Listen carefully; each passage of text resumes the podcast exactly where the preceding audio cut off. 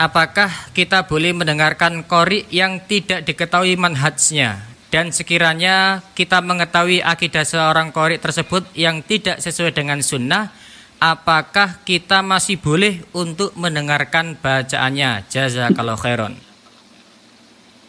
Barakallahu fiikum wa jazakumullahu khaira. Nabi sallallahu alaihi wasallam menyebutkan idza quri'a al-Qur'an fastami'u. Allah Subhanahu wa taala menyebutkan fa idza quri'a al-Qur'an fastami'u lahu wa ansitu la'allakum turhamun. Apabila dibacakan kepada kalian Al-Qur'an, maka dengarkan kemudian diam. Semoga dengan yang demikian Allah Subhanahu wa taala memberikan kepada kita rahmat.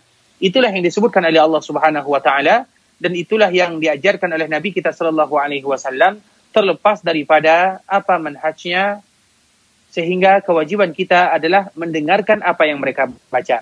Karena kita ikhwatul Islam rahimani wa rahimakumullah, terutama di dalam permasalahan Quran.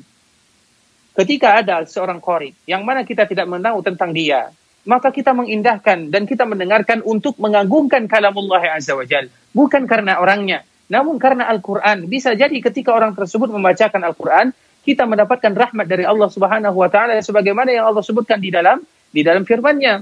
Oleh karenanya kewajiban siapa pun yang membacakan Al-Qur'an, maka kewajiban kita adalah untuk mendengarkan, kemudian kita diam dan semoga dengan yang demikian Allah memberikan kepada kita rahmat. Barakallahu fiikum wa jazakumullahu khairan.